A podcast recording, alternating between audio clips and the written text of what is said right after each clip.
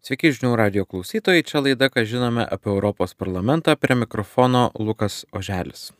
ES oficialiai patvirtino 12-ąjį sankcijų paketą Rusijai dėl jos karo prieš Ukrainą. Naujausiame sankcijų pakete nustatytas draudimas importuoti, pirkti ar pervežti deimantus iš Rusijos ir sugriežtinta galiojanti Rusijos naftos kainos viršutinė riba. Taip pat įvedamas naujas suskystintų propano dujų importo draudimas su 12 mėnesių pereinamuoju laikotarpiu. Rusiškam aliuminiui pirmą kartą bus taikomos sankcijos uždraudžiant importuoti vielą, foliją, vamzdžius ir vamzdelius. Tiesa, Europos aliuminio pramonės teigimu šios sankcijos per švelnios ir didžiosios dalies Rusijos eksporto nepaveiks. Europarlamentaras Andrius Kubilius pabrėžė, jog tai jau 12 sankcijų paketas ir jis nėra kažkuo išskirtinis. Visgi politiko teigimu šiuo paketu siekiama dviejų tikslų. Tai ES siekia dviejų tikslų kartu su G7 partneriais pirmas dalykas neleisti Rusijai uždirbti pinigų iš savo ypač energetinių resursų eksporto bei kai kurių kitų e, produktų eksporto, o iš kitos pusės neleisti Rusijai e, įsigyti arba importuoti aukštų technologijų gaminių, taip vadinamų dvigubo panaudojimo gaminių, kurie leistų Rusijai plėtoti e, savo karinę pramonę. Tai dvyliktas paketas jis nėra kažkuo ypatingas, jis už, užlipdo kai kurias uh, paaiškėjusias sankcijų gyvenimo e, skilės, kai kurie nauji produktai yra įtraukti, deimantai ir panašiai. Bet e, svarbiausia yra suprasti, kad e, iš tiesų sankcijos veikia. E, apie tai mes svarstėm prieš gerą mėnesį ir Europos parlamente bet jų įgyvendinime pastoviai kyla naujų problemų, nes Rusija vis atranda naujų būdų, kaip tas sankcijas apeidinėti, todėl ir reikalingi vis nauji sankcijų, tai vadinami paketai, kad e, būtų galima na, užlopyti ir tas atsirandančias skilės. Pasak Kubiliaus, tik nedaugelis ryčių dar nebuvo sankcionuotos, todėl esminis sankcijų politikos tikslas šiuo metu yra užtikrinti efektyvų jų įgyvendinimą.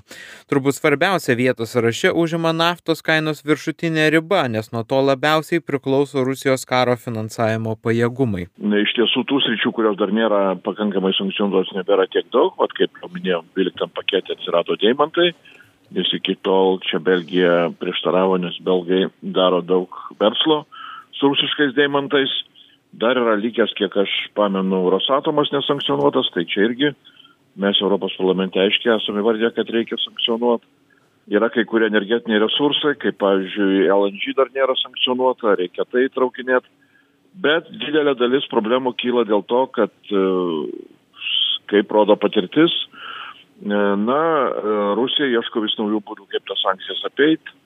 Ir, sakykime, jeigu pradinėme etape įvestos uh, naftos kainų lubos uh, buvo labai efektyvus instrumentas, uh, labai stipriai sumažinęs Rusijos galimybės užsidirbti mm, dideliu, didelius pinigus iš naftos eksporto. Tai jau vasaros pabaigoje Rusija atrado naujų būdų, pradėjo kurti savo tokį šešėlinį naftos tanklaivį laivyną.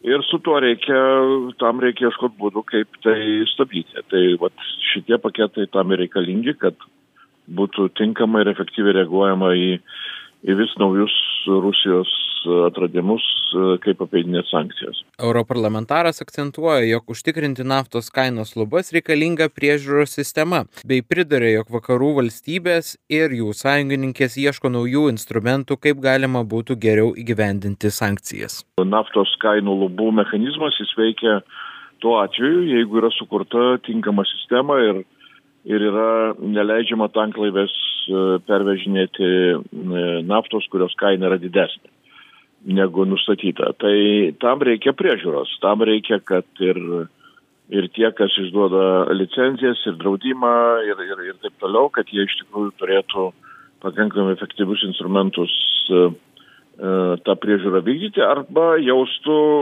didelę atsakomybę tame tarpe ir teisinę, jeigu jie tokios priežiūros nesugeba įvykdyti.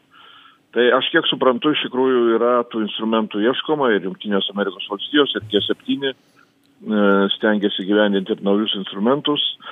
ir todėl tas kainų augimas bent kiek dabar mačiau jis jeigu jeigu vasaros pabaigoj jisai buvo toks ryškus tai dabar lyg ir svyruoja ir pradeda mažėt. Taip žinių radijui kalbėjo europarlamentaras andrius kubilius. Tiek šiandienos laidoje ką žinome apie europos parlamentą likite su žinių radiju